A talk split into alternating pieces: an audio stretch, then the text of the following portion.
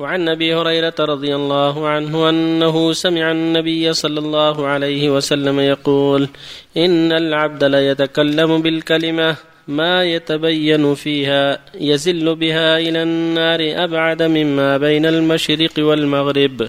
متفق عليه.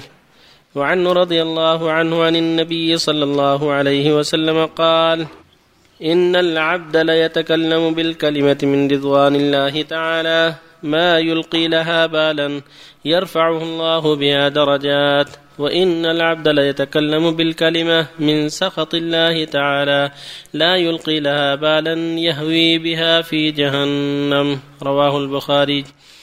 وعن أبي عبد الرحمن بلال بن الحارث المزني رضي الله عنه أن رسول الله صلى الله عليه وسلم قال إن الرجل ليتكلم بالكلمة من رضوان الله تعالى. ما كان يظن أن تبلغ ما بلغت يكتب الله له بها رضوانه إلى يوم يلقاه. وإن الرجل ليتكلم بالكلمة من سخط الله.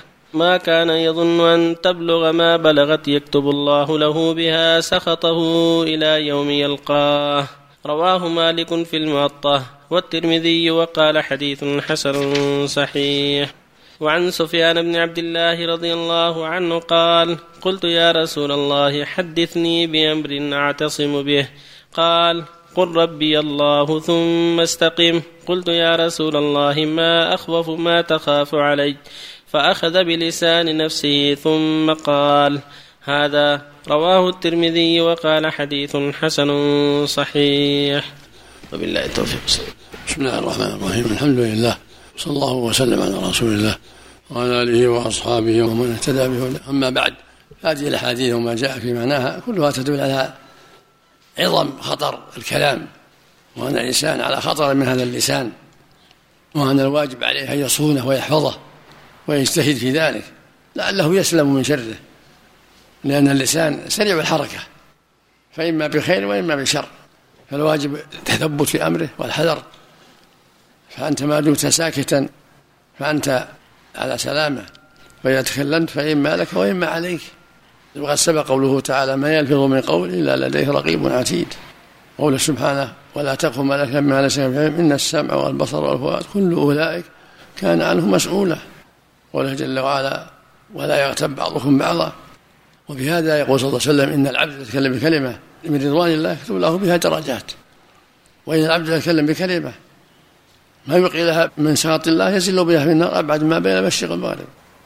وفي اللفظ الآخر ما يبقي لها بالا يكتب الله لها بها سخطه إلى يوم يلقاه. فالواجب على المؤمن الحذر من شر هذا اللسان وأن يحرص على استعماله في الخيرات وفيما يرضي الله جل وعلا. حتى يحصل له بذلك الخيرات العظيمة والدرجات العالية. وليحذر إطلاقه وعدم تقييده فإنه خطير جدا. فكم من كلمة أودت بصاحبها إلى الهلاك. فالواجب على كل مكلف أن يحذر شر لسانه وشر جوارحه. فقد يلقيها على سبيل المزح قد يلقيها على سبيل التساهل ولكنها تعطبه تهلكه. ويقول عليه الصلاة والسلام لسفيان بن عبد الله الثقفي لما سأله عن كلمة جامعة قال قل آمنت بالله ثم استقم. الله يقول ربي الله ثم استقم. قل لي في الإسلام قولا لا أسأل حتى غير قال قل آمن لا آمنت بالله ثم استقم. ثم سأل ماذا تخاف علي؟ قال هذا وأشار لسانه كف عليك هذا. في حديث معاذ قال له الرسول صلى الله عليه وسلم كف عليك هذا. قلت يا رسول وإنا لمؤاخذون بما قال سكنتك أمك وهل يكب الناس في النار على وجوههم؟ أو قال مناخرهم إلا حصائد وألسنتهم؟ كل من تذكر هذه الأحاديث وصلت على باله أوجبت له حفظ هذا اللسان وتقييده وأن لا يتكلم إلا عن بصيرة وعن نظر وعناية. وهذا هو الجهاد الجهاد من جاهد نفسه لله. والذين جاهدوا فينا لنهدينهم سبلنا وإن الله لمع المحسنين. نسأل الله الجميع العافية والتوفيق. نعم. آمين. لا حول ولا قوة إلا بالله. الله إليك. الله لا إله إلا من أدخل في الغيبة الرد على أهل البدع والمخالفين. هل يصح هذا؟ لا غلط لا. من أظهر البدع ما له غيبة وأظهر في السوق ما له غيبة. الغيبة لمن كان كلامه مستور ما ما أظهره. عمله السيء ما أظهره. أما إذا أبرزه ما صار غيبة. الغيبة أن تذكره بشيء لم يتجاهر به أما من أظهر الشر والفسق فلا غيبة له فيما أظهر. قال الله جل وعلا في كتابه العظيم لا يحب الله الجهر بالسوء إلا من ظلم. كل أمتي يقول النبي صلى الله عليه وسلم كل أمتي معافى إلا المجاهرين. ولما دعا عليه رجل لا بأس الآخرة فيه قال بئس أخو العشيرة. وفي لفظ قال بئس ابن العشيرة إذا نوله ولما مر عليه بجنازة جنازة سوء أثنوا عليها شرا فقال وجبت لها النار. أثنوا عليها شرا بما ظهر منها ولم يمكن عليهم ذلك. دل على من أظهر الشر لا غيبة له.